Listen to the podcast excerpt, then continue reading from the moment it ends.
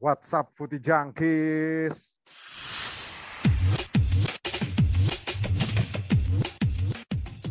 Tahu apa kamu soal bola? Tahu apa kamu soal bola? Kembali lagi di Sepak Pojok bersama gue Tanti Ojek dan tadi juga ada suaranya Ferry. What's up, Ferry? Halo. Halo. Dan selain gue berdua sebagai artis mural ada juga sang tukang grafitinya Aldi Sulfikar. What's up, Di? WhatsApp bro, kita WhatsApp. bomber di mana lagi nih kita nih? Eh, iya nih, gue pengen, nge- pengen jadi bomber gue. Kemarin soalnya graffiti lagi lagi rame banget nih mural-mural nih di permedsosan nih. Seru nih di medsos. Gimana kalian? Masih sehat semua? Sehat Alhamdulillah. Alhamdulillah. Alhamdulillah. Alhamdulillah. Ya semoga kita diberi kesehatan karena ini weekend ini ini sebenarnya udah weekday ini, udah weekday di hari Senin ini. Tapi kita tag-nya kan sebelumnya kan. Jadi ya semoga kita tetap sehat-sehat aja. Terus ya aman-aman aja karena liga-liga di Eropa ini sudah mulai bergulir lagi. Yang paling pertama itu bergulir itu Liga Prancis sebenarnya. Udah dari minggu kemarin dia mulainya Liga Ya, Prancis. Nah dibangun. dari minggu kemarin. Terus yang paling terbaru ini eh, Bundesliga sudah sudah selesai lagi, sudah mulai lagi. Ini Bayern Munchen seri ya, Bayern Munchen ini seri cuy, sama Borussia Mönchengladbach. Dan gue tuh dan gue eh, baru inget ya, Bayern Munchen kan pelatihnya baru ya, Julian Nagelsmann. Nagelsmann nih di preseason juga nggak performanya nggak oke-oke banget. Kemarin pembukaan juga satu sama gitu kan. Kita lihat nih ya eh, Nagelsmann. Dan seperti kit- biasa idola rakyat-rakyat juga nih. Idola rakyat Erling Haaland. Mas-mas yang sangat super. Ini mencetak brace ya dia kalau nggak salah ya mencetak brace sama satu assist ya Brace dan tiga asis. oh brace tiga Dua asis. Jadi Oh, satu, dua asis, dua asis. Jadi Oh, satu, dua ya, satu dua asis nggak kehitung kalau nggak salah. oh Hmm. ini Erling Haaland nih dengan performa seperti ini harusnya harganya di atas Jack Grealish ya dia gimana di Erling. Haaland nih Harus harusnya itu mah udah bukan manusia Halan tuh. iya sih anjir dia Aneh. Iya. Kayaknya robot robot beneran nih si Erling Haaland nih. Terus kalau misalkan kita lihat ya Bundesliga pasti kalau nggak Dortmund. Ah ini Red Bull Leipzig sebenarnya kita mau bahas cuman podcast ini naik belum main gitu loh. Eh podcast ini naik podcast ini lagi direkam Red Bull Leipzig belum main ini. Padahal menarik karena kita ingin ngebahas tuh pelatihnya pelatih orang Amerika nih. Gue penasaran gitu loh. Cuma nanti kita lihat aja seperti apa kan bisa kita bahas pada saat Liga Champion juga. Red Bull Leipzig kan ikut Liga Champion pemainnya juga ada pada cabut kan. Konate terus Upamecano. Nah itu gue penasaran tuh kayak apa Red Bull Leipzig nanti. Nah kita akan pindah ke liga di mana liga ini eh, liga sejuta umat liga sejuta umat yaitu English Premier League. English Premier League dibuka sebenarnya kita mau bahas tuh pertandingan juga belum selesai gitu loh. Kita tag tuh minggu kan minggu sore gitu loh. Karena kita nggak bisa sampai malam-malam karena ada kesibukan masing-masing ya kan jadi kita ngambilnya sore. Jadi ya partai yang minggu malam tim gua Newcastle yang tadinya harus dijadiin headline tapi nggak bisa dibahas. Ta- Tapi kita juga nggak bisa bahas ini City sama Spurs kita juga nggak bisa bahas gitu loh. Gitu. Nah kita buka pembahasan dengan timnya Ferry dulu deh. Ini mumpung ada Ferry kan. Liverpool 0-3 versus Norwich City. Gimana Fer? Apakah anda puas dengan kembalinya Virgil van Dijk Fer? Gua ya bisa jadi pembeda lah. Cuman kemarin juga Hmm. masih belum masih belum eh, tested ya, bisa dibilang kayak gitu, ngelawan ngelawan Norwich doang gitu. Hmm. Tapi kemarin eh, momen-momen momen bril- briliannya sih tetap di Muhammad Salah sih. Eh, satu Hmm. gol, dua assist. Eh, gua nggak udah kan sekarangnya eh, Liverpool nggak nggak beli nggak banyak beli pemain kan cuma beli Konate Hmm. doang. Temen lebih fokus ke eh, apa kontrak baru kan banyak pemain eh, Virgil, Fabinho, eh, Trent. Nah, moga, moga aja ini juga jadi sema- semacam pertanda lah eh, kalau Liverpool mau ngasih apa pun yang salah mau gitu. Dan eh, jadi pembuka yang bagus sih kalau gua eh, terutama Firmino juga udah eh, kemarin ngegolin kan. Eh, Akhirnya. Moga aja musim musim ini bisa bermain lebih bagi, baik dibanding musim kemarin. Hmm. Nah, tapi kalau dilihat Liverpool nih, gue semalam nggak nonton sampai habis sih. Udah ngantuk banget gue. Gue habis nonton Chelsea itu kayak udah fokus ke main game terus gue tidur gitu. Karena malas aja gue nonton. Liverpool nih si Muhammad Salah setelah mu- lima musim berturut-turut dia membu dia selalu mencetak gol ya Fer ya. Muhammad Hmm. Salah, Muhammad Salah. Nah, tapi gue mau nanya ke lu sendiri deh Fer, ke sebagai fans Liverpool nih. Lu kalau dilihat dari komposisi pemain kemarin, setiap ada Diogo Jota, pasti Firmino nggak main gitu loh. Semenjak musim kemarin malah kan. Hmm. Kalau kalau Hmm. lu sebagai fans Liverpool sendiri, lu lebih milih Jota main di awal atau Firmino yang main di awal, Fer? Gua sebenarnya lebih lebih pengen eh, lebih pengen Firmino sih. Hmm. Gua gimana ya? Eh gua kan tiap kali gua nonton Jo, gua nonton Jota main gitu kan. Eh role-nya tuh ganti-gantian sama Salah gitu. Jadi Hmm. role-nya itu jadi bisa jadi Salah yang di tengah dan dia yang tarik ke belakang jadi apa ngambil bola kayak Firmino itu. Hmm. Dan Jota itu emang ba- bagus eh, finishing dan sebagainya ya. Dia juga winger juga kan. Jadi Hmm. gua gua ngerasa kayak kalau Firmino ketika dia lagi on fire ya, itu link up sama Mane sama salahnya itu lu eh, next level lah dibandingin Jota. Tapi balik lagi, Jota eh, memberikan suatu hal yang ber- yang berbeda dibandingin Firmino gitu. Kalau tergantung kalau mau mainnya kayak gimana. Kalau tapi Firmino kan mainnya eh, kemarin eh, babak kedua ya kalau nggak salah. Iya, babak kedua. Dia pergantian pemain, eh, gua rasa itu juga jadi jadi memberikan suatu hal yang lain gitu. Firmino kan emang udah terkenal dengan presi, dia eh, hobi nguber bola gitu. Hmm. dengan kondisi lawan yang mungkin udah capek, dia masih segar, itu bisa jadi Oke. eh, terkesan apa sih eh, kalau keuntungan sendiri gitu buat Firmino buat main rada mending lebih baik dibandingkan musim kemarin. Ya kita lihat sih. Ini gue juga penasaran. Gon, ini Liverpool ini juga ini kan. Andy Robertson ini cedera sampai kapan sih, Fer? Kayak lama ya Andy, Andrew Robertson. Enggak enggak, dia cuman sebulan kok. Cuman pokoknya kan eh, nanti ada international break kapan ya? Dua Ah. minggu lagi kalau nggak salah. Oh iya, Katanya setelah lagi. international break, international break dia bisa udah udah udah bisa training normal lagi. Ah, kema- kalau kemarin si Mikas kan yang masih main. Ya si kos si si Mikas. Dan dia lumayan mainnya lumayan sih kalau gue bilang. Mainnya lumayan lah. Eh, musuhnya Norwich Norwich juga, Fer. Eh, iya Gimana? sih. Iya. Tapi, Tapi dia juga main bagus selama preseason bagus sih. Jadi eh, kayaknya fans Liverpool bisa berharap banyak sih ke dia. Karena musim kemarin kan dia emang cedera terus kan, jarang Hmm. banget main gitu. Hmm. Konate yang belum main ya. Gue kemarin ngeliatnya Matip kan yang main sama Van Dijk ya. Ya belum. Matip sama Van Dijk. Konate. Gua rasa kayaknya eh, lawan Burnley kemungkinan besar eh, bakal full tim sih, kayak feeling gue ya. Kamu kemungkinan Thiago main, Konate kemungkinan main eh, antara Virgil sama Virgil yang di, di yang di bensin Hmm. eh, atau enggak Matip gitu yang di bensin. Eh, feeling gue klub lagi lagi apa buat pemanasan buat Virgil sih, karena dia juga kan udah lama nggak main resmi Hmm. buat pemanasan gitu dan kebetulan Norwich doang gitu gitunya.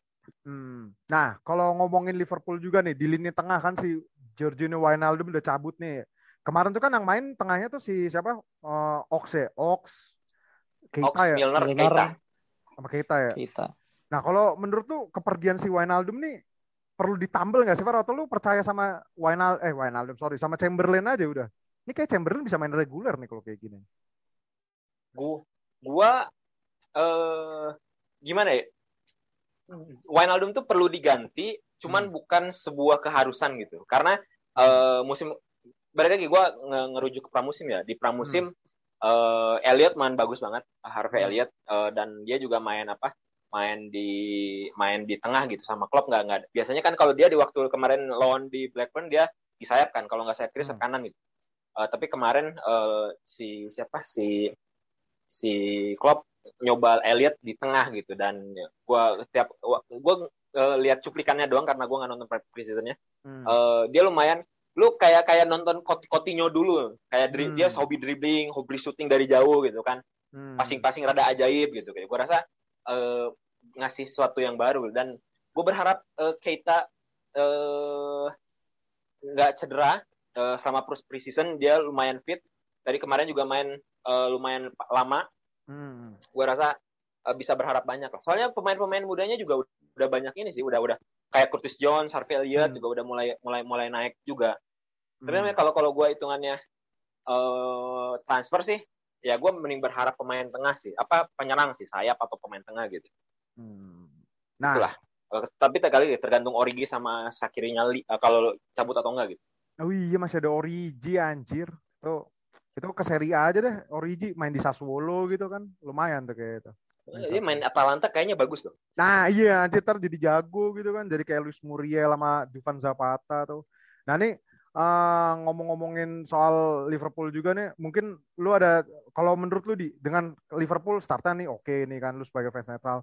Apakah Liverpool bisa berbicara banyak di musim ini di minimal ganjel City lah sebagai kayak calon juara kan paling City kan atau siapa gitu. Kan lu tahu versi gue. Oh iya. Iya, kalau menurut gua sih uh, di IPL musim ini Liverpool mungkin bisa bicara banyak tapi hmm. sorry itu saya mungkin nggak bakal sampai juara sih. Hmm. Uh, kalau gua rasa ya karena karena berat banget musim ini hmm. uh, lawan-lawan udah mulai makin kompetitif, bursa transfernya juga oke-oke. Uh, okay hmm. Terutama uh, shout out buat uh, MU dan Chelsea sih. Kayaknya malahan menurut gua dua kandidat terkuatnya adalah MU dan City untuk untuk uh, bisa juara musim ini ya. Uh, dan dan tapi mesti tetap hati-hati sama City dan Liverpool juga gitu. Empat besar sih menurut gue tetap mereka berempat ya. Uh, dan kalau untuk Liverpool sendiri yang pasti sih bakal finish di empat besar. Tapi untuk sampai juara I don't think so sih. Karena berat sih. Karena kalau menurut gue squad kedalaman Liverpool nih emang rada-rada nih. Kalau kalau kena badai cedera lagi panik lagi nggak sih? Iya nggak sih? Iya dan mostly masih masih pemain-pemain lama gitu ya. Isinya hmm. orang-orang hmm. itu-itu aja gitu. Hmm, benar-benar. Nah, tadi si Aldi juga udah nyinggung Manchester United karena Manchester United ini di, di, di pembukaan nih menang 5-1 atas Leeds United nih Rose Derby ya. Ini sebenarnya di partai ini menarik ini karena ada orang dengan dengan dengan bangganya memamerkan shell Manchester United dan Leeds United dan viral di Twitter. Lihat gak sih Fer fotonya Fer? Gue gue nggak lihat. Itu itu ini ya yang yang half half ya. Iya, iya yang half half gitu. Dan uh, dia itu bodoh sih itu. It, dan dan dengan dan dengan bangganya tuh dia memamerkan di di depan kamera gitu eh itu gue liat reply di Twitter kan di di siapa tuh di Berdit Genius terus di akun-akun kayak gitu gitulah ada yang ngomong reply apa ini orang di banned aja dah seumur hidup biar nggak ke stadion anjing goblok banget semua tapi ya Manchester United Cross Derby melawan United golnya Leeds keren sih. Itu kan gue nonton itu kan jam 6 kan mainnya setengah tujuh. Itu golnya keren cuy. Look Ailing cuy. Luka Ailing. Tapi ya hmm. ujung-ujungnya Manchester United membuktikan kapasitasnya nih bisa menang 5-1. Ini Bruno FC gila nih kalau ada Huda senang banget nih. Bruno FC hat trick cuy. Ini juga pengguna FPL nih pasti senang banget nih. Gue juga yang bukan fans MU pakai FPL di pakai FPL si Bruno senang-senang aja nih. Tapi kalau menurut lu di MU ini kan kemarin si Varan baru dipresentasikan kan, maksudnya baru dikenalkan ke publik nih Varan. Apakah lu masih yakin kalau memang MU ini udah saatnya musim ini juara gitu kan? Musim kemarin peringkat tiga, eh dua musim lalu peringkat tiga, peringkat dua. Nah sekarang apakah peringkat satu? Di? Kalau melihat dari pertandingan pertama kemarin tuh. Kalau dari pertandingan pertama sebenarnya bukan tolak ukur ya, tapi ah. uh, sebagai sebuah derby yang uh, kencang rivalitasnya, tensinya masih tinggi. Mau mau sejelek apa pun lawan lu kayak misalnya Juventus Torino gitu ya. Hmm. Tapi tensi derby itu it's, it's derby gitu. Tetap hmm. tetap kenceng. Hmm. Nah, menurut gua uh, dengan dengan hasil 5-1 itu membuktikan kapasitas dan kualitas juga menurut gua. Dan memang uh, eh, MU ini secara kedalaman squad itu memang bagus ya sekarang.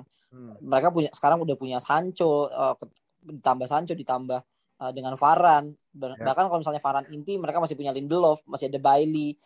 Uh, which menurut gua uh, sangat bagus banget kedalaman squadnya. Dan dan puzzle yang mereka cari udah hampir lengkap sebetulnya gitu. Jadi uh, untuk bisa bicara banyak dan sampai juara menurut gue memang udah saatnya. Terlebih uh, City kayaknya di pramusim agak kurang uh, menyenangkan hasilnya. Biasanya sih biasanya sih City trennya awal-awal musim selalu uh, kurang gas nih buat startnya. Ya, tapi begitu tengah-tengah ah. begitu tengah-tengah pakai nos anjir ngeselin City City tuh mesti kena shock terapi dulu cuy kayak waktu dia kalah kalah 2-5 di kandang sama Leicester kan ya.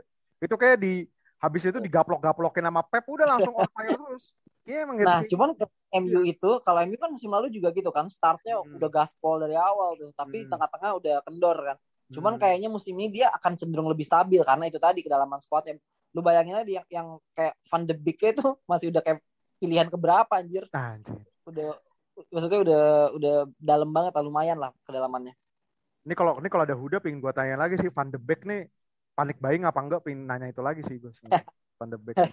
Nah kalau dari lu sendiri Fer, apakah emang lu setuju dengan pendapatnya Aldi nih mengenai Manchester United musim ini? Karena kalau gue sih setuju-setuju sih karena di antara Big Four yang emang squad kedalamannya paling bagus ya Chelsea, MU, City sih, ya nggak sih Fer?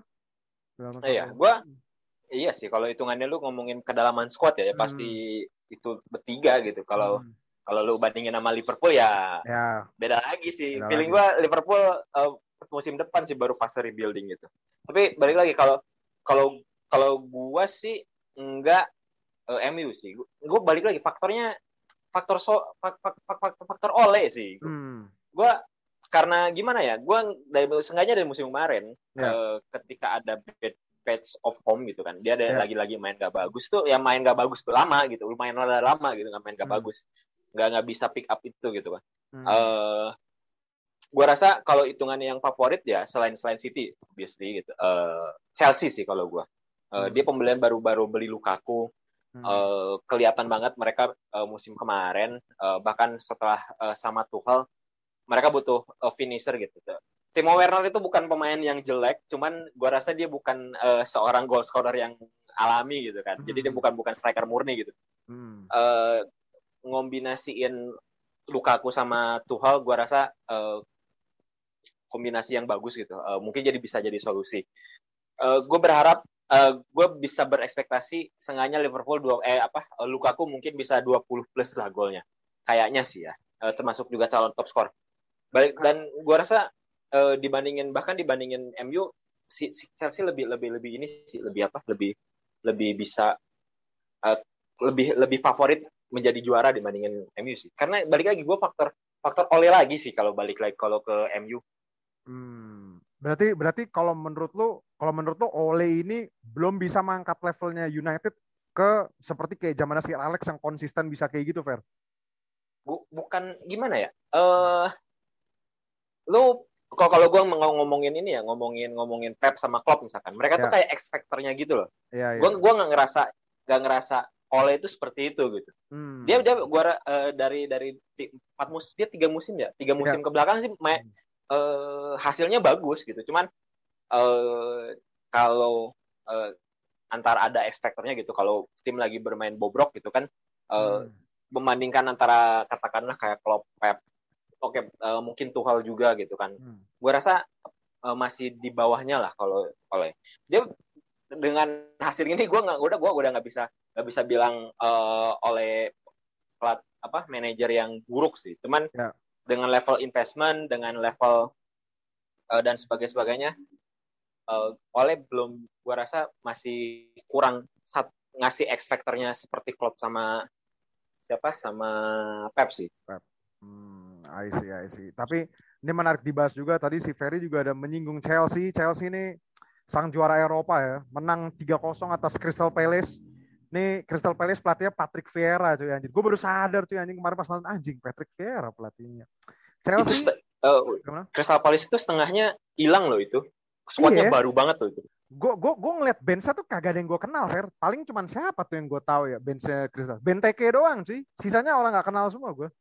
Dia ke, kontraknya pada habis semua apa gimana tuh pemainnya Crystal Palace? Kalau nggak kalau nggak salah ya, eh, dari 20 orang kan kalau satu squad itu 25-an ya 20. Hmm. Kalau nggak salah 11 pemain seniornya tuh kontraknya habis gitu. Gue lupa. Ah, iya sih Andros Townsend kan ke Everton kan akhirnya. Andros Townsend hmm. ke Everton. Iya sih, cadangannya cuma Benteke sama siapa tuh? Yang bekas Liverpool sama Martin Kelly itu aja yang gue tahu tuh. Kemarin. Oh, Martin Kelly. Ya. Martin Kelly aja. Ini Chelsea 3-0. Sama ada Nathaniel Klein kan? Oh iya, Nathaniel Klein. Oh iya, Nathaniel Klein balik kampung dia mah. Ah, itu Liverpool semua tuh anjir isinya Crystal Palace, Benteke, Klein sama siapa? Tadi Martin Kelly. Tapi ini Chelsea ini menang 3-0 ya. Hakim Ziyech kan cedera kemarin, jadi dia pakai Pulisic depannya. Lukaku belum main gitu kan. Nih Lukaku harganya gokil juga nih. Nah, tapi gue mau nanya sebelumnya nih ke Aldi nih sebagai dulu sebagai mantan timnya kan. Lukaku worth it gak sih di, di harga-harga segitu di? Worth it sih menurut gue. Untuk sekarang ya uh, striker tipikal Lukaku tuh lagi maksudnya sangat sangat limited gitu dikit dan hmm. yang available di bursa pasar tuh yang mau dilepas sama klubnya itu juga sangat sedikit bisa dihitung jari lah. Hmm. Lewandowski, Haaland, Lukaku, hmm. striker nomor 9 jarang ada yang lagi mau dijual. Hmm. Nah, uh, dengan pembelian ini menurut gue cukup uh, worth it dan dan tepat ya buat Chelsea sih menurut gue. Hmm. Dan uh, tadi sempat disinggung juga sama Ferry, uh, Lukaku tuh kayak jaminan gol aja sih. Cuman gue hmm. gue sih berharap sebenarnya flop ya. Hmm. Agak jelek doa gue, gue berharap flop sih biar balik lagi. Terus yeah. dijual 30 iya. juta ke Inter dua musim. tapi tapi gini gak sih? tapi gini gak sih kalau menurut gue tuh Lukaku tuh butuh penyuplai bola yang enak-enak juga gak sih? Lu setuju gak Fer kalau kalau gitu Fer? Iya, makanya gue bilang uh, Werner, gue Werner itu bukan bukan penyuplai bola sih, dia tuh kayak pembuka ruang. ruang gitu loh, ah, buka pembuka ruang, ruang pemba, yang apa? Yang di bawah yang di belakangnya itu kan masih ada ada siapa ada Jorginho ada Pulisic ada Ziyech. Hakim Ziyech walaupun Hakim Ziyech juga masih jelek sih itu hmm. main di Chelsea tapi sengaja uh, Havertz, untuk Havertz, orang yang Havertz. untuk Mount gitu kan ya kayak gitu ah. gitu yang bisa dengan ruang yang dibuka sama si Werner passingnya pasti gede kan itu ruangannya hmm. dengan Lukaku juga yang kayak gitu gue rasa eh, benar-benar bagus apa uh, on paper uh, masih benar-benar sangat meyakinkan gitu. Hmm. Lu Aldi ya, tapi catatan gue juga catatan hmm. gue mungkin ini ya Lukaku itu sepertinya uh, kalau di Inter kan role-nya dia sebenarnya uh, main dua striker kadang-kadang jadi tembok hmm. untuk uh, si Lautaro ngacak-ngacak atau kadang-kadang dia build up bisa build up sendiri dari belakang jadi atau dari samping ya kadang-kadang yeah. dioper uh, terus dia bawa bola sendiri tuh nge-build up sendiri nah uh, curiga gue di Chelsea kenapa gue bilang kemungkinan bisa flop itu karena Chelsea kan main striker tunggal. Yeah. terus punya dua sayap kiri kanan. Kemungkinan akan main dari sayap berarti polanya. Hmm. itu sih menurut gue sedangkan Lukaku tuh konversi crossingnya kadang-kadang suka suka jelek aja sih. Biasa dia malah bagusnya jadi tembok aja sebetulnya hmm. untuk untuk second striker. Dan kalau menurut Giroud ya? Nah ya kayak Giroud ya kalau nggak ada. Giroud dua gol cuy. Milan cuy. Udah tiga gol cuy. Giroud cuy. Nih fans Chelsea kalau dapat Lukaku mandul terus Giroud moncer di Milan nangis nih kayaknya fans Chelsea tapi tapi gue bener sih gue setuju sama sama Aldi sih. Lukaku nih kayak kalau main striker tunggal kayak di sorry kayak di MU kan sebenarnya lebih works yang pas sempat digeser ke sayap kan. Gue inget banget tuh sama Mourinho. Itu malah bagus gitu loh. Malah bagus. Tapi kalau dijadiin buat goal getter gitu kadang malah kayak jelek gitu. Kita tahu sendiri lah Lukaku nih hmm. first touch-nya kan emang rada-rada nih kan. Makanya kalau lihat kompilasi flopnya Lukaku tuh pasti first touch-nya doang yang diambil jeleknya gitu loh. Karena emang ini striker kayak gue gak tahu ya apakah eh, lu setuju gak kalau si Ferry tadi ngomong bisa 20 plus gol? Menurut lu musim ini 20 plus gol gak di? Lukaku di. Uh, gue gak tahu ya um, mungkin sih sangat mungkin hmm. sebetul sebetulnya ya. Karena tapi dia udah kehilangan beberapa pekan awal nih mungkin karena kan oh, dengan iya. segala macam karantina itu aja sih. Tapi ya, ya menuju 20 gol mungkin iya sih. Jaminan hmm. gol lalu aku sebetulnya. Harusnya sih harusnya sih. Ini Timo Werner eh iya Tammy Abraham kan ini ya dijual ke Roma ya akhirnya jual ke Roma dia dan itu permanen deal sih dan itu permanen, permanen deal. deal dan permanen deal berapa ya 40 deal ya 40 ya 40 40 atau 35 sepertinya sekitar segitu. Tapi buyback clause-nya gokil juga, 80 juta cuy. Buyback clause-nya cuy. 80 juta. Iya, 80 juta cuy. Ya, ini ini apa uh, dilatih Mourinho soalnya. iya, dilatih Mourinho nih. Ini kalau Chelsea tiba-tiba ngambil lagi kocak banget ini anjir. 80 juta Temi Abraham bangsat lah. Mending beri Patrick Bamford gue ya. Tapi selain itu ini tim-tim uh, ada tim besar lain yang belum dibahas mungkin. Siapa Fer? Apa Aldi dia di tim besar lainnya di yang belum dibahas di? Oh ini Brentford pak, Brentford belum gue bahas. Brentford. iya kita nih dari tadi nyinggung. Besarnya. Iya kita nyinggung Liverpool, MU, City, terus apa Chelsea. Ini Arsenal nih gila cuy. Arsenal kemarin, Arsenal nih kemarin kasihan banget ya. Udah mau kick, dia mainnya kick off pertama. Tiba-tiba eh, ada kabar Lacazette sama Aubameyang sakit cuy. Strikernya gue gak tahu namanya siapa tuh Balogan deh anjing. Pistola Balotelli cuy. iya iya ini apa eh uh, dia akademi ya? Pemain akademi, akademi apa apa ya? Gue lupa. Akademi, akademi, akademi. Ya? akademi. Cuman gue nggak tahu nih Arsenal nih bukannya makin musim membaik gitu ya. Kayak contoh kan tim-tim yang kayak flop kayak dulu Liverpool kan banter era gitu kan sekarang udah mulai bangkit. Milan di Liga Italia juga banter era mulai bangkit. Inter juga banter era juara. Ini Arsenal makin ke sini makin melawak nih. Gimana di kalau menurut lu ini apakah emang Arteta nih udah aduh gua nggak paham lagi dari Arsenal. gue tuh kocaknya masa ah. baru match day pertama trendingnya Arteta out kan bangsat ya iya anjir anjir nih Arsenal. baru hari pertama Arteta out ya Allah gue bilang tapi emang menurut gue gue udah prediksi dari kayak hmm. dua musim lalu ya yang kita eh kapan ya apa iya. musim kemarin yang dua waktu musim. waktu dia musim pertamanya Arteta iya, iya udah, udah hampir dua musim hmm.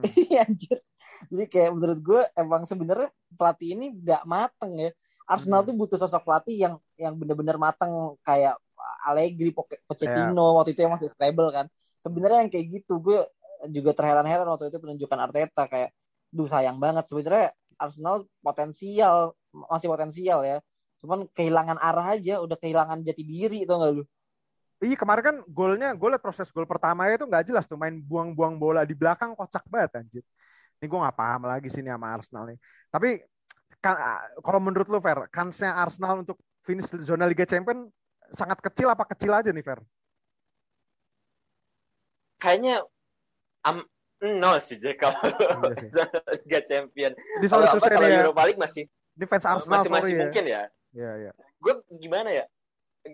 gue nggak bisa nggak ya udahlah kayak kayak gitulah ya. Tapi problematika Soalnya, Arsenal nih menurut lu emang faktor pemainnya juga ya kurang gitu emang, emang faktor Artetanya aja sih Fer kalau menurut lu Fer?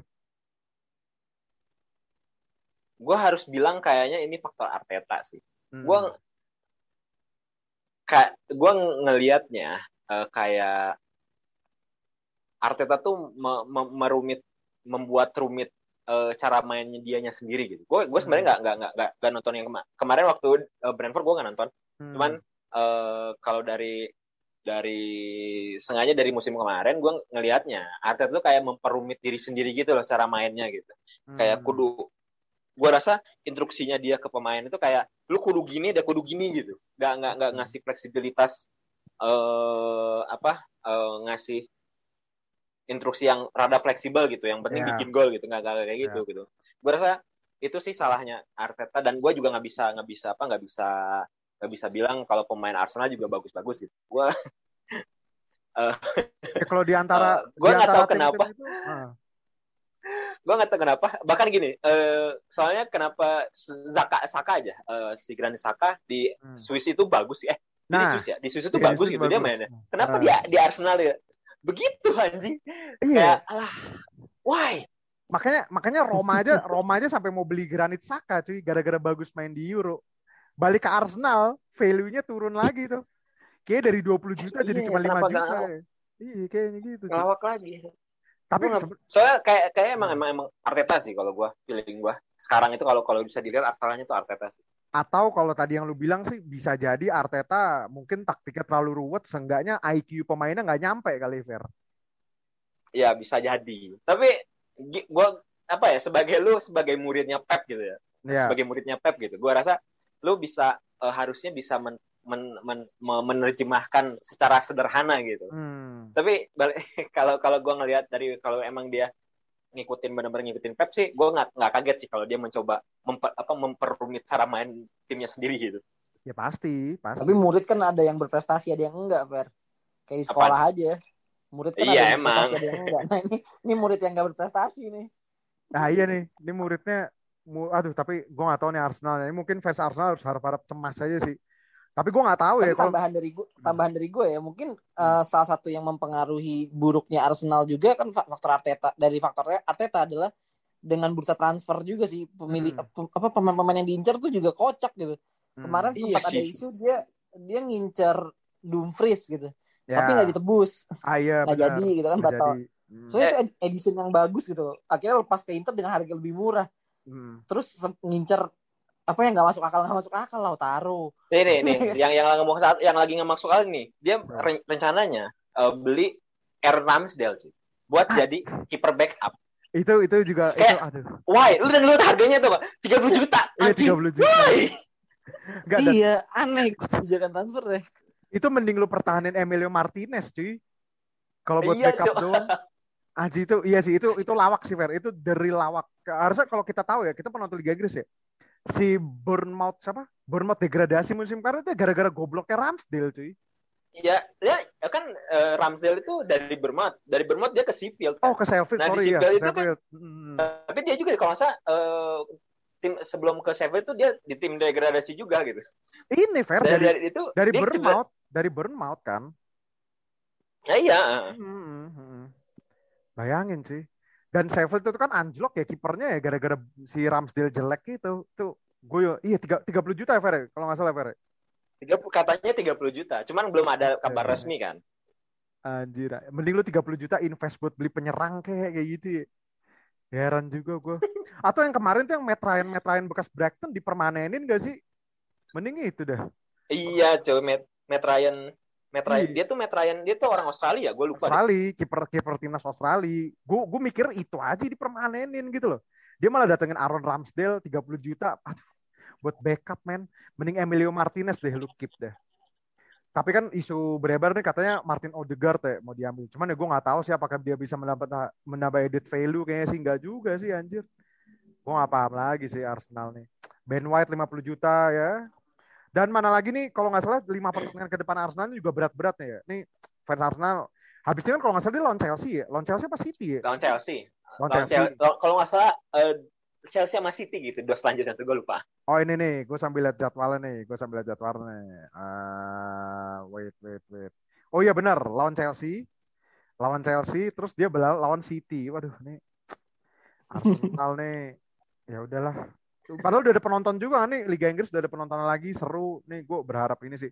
Tapi ini disclaimer juga kita nggak bahas Spurs sama si City secara mendalam ya, karena kita nggak nonton, kita belum nonton nih, karena nih podcast ini record timnya belum main gitu loh. Jadi kita tidak membahas. Jadi mungkin nanti kita ada kesempatan bisa membahas dua tim itu. Cuma ada gue nggak tahu sih Spurs nih bisa-bisa kayak Arsenal Arsenal juga nih gue ngirinya nih.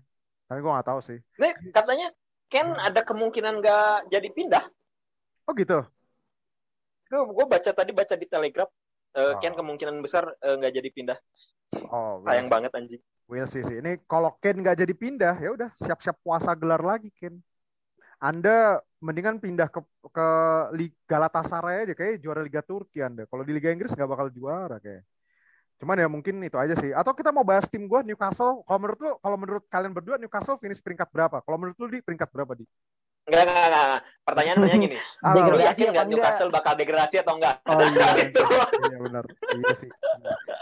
Iya sih, iya benar. Benar. Kalau tim gue, kalau tim gue ya gue yang penting gak degradasi ya sih masalahnya selama masih di terus anjing emang udahlah anjing anjing tapi kemarin pramusim ya lumayan gak, gak. tapi nggak tapi nggak degradasi lah ah, iya ada Callum Wilson kan ada Arsenal ya. ah eh Arsenal gitu-gitu Arsenal gitu-gitu kalah peringkat 17 cuy naik cuy malah cuy Arsenal cuy gara-gara banyak yang tim kebantai kan jadi dia kebantu naik Arsenal cuman ya will sih seperti apa Liga Inggris nih next week kita mungkin bisa bahas Liga Italia juga nih karena Liga Italia udah mulai kan. Oh iya, yeah, Liga Spanyol tuh juga udah mulai kan. Real Madrid menang kan Real Madrid. Real Madrid menang. Real Madrid nih kocak juga nih, belum beli pemain tapi bisa menang juga. Penasaran. Oh Alaba doang kan. Ya tinggal Liga Italia lah. Next week mungkin kita bisa bahas dikit-dikit nih seru nih. Liga Italia, apakah Inter, Milan, Juve.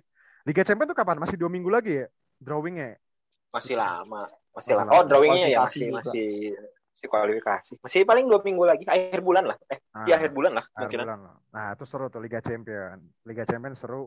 Karena ini for the first time di sepak pojok podcast semua tim pengisi acaranya di sini ikut Liga Champion kan biasanya tim gue kagak pernah ikut akhirnya soalnya. ya akhirnya biasanya Milan terus akhirnya akhirnya soalnya kalau gue ajak kalau gue ajak ngobrol Europa League nunggu tim kalian ketendang dulu dari liga sana gitu baru bisa biasanya nggak bisa Oke, mungkin segitu aja untuk minggu ini. Thank you Aldi.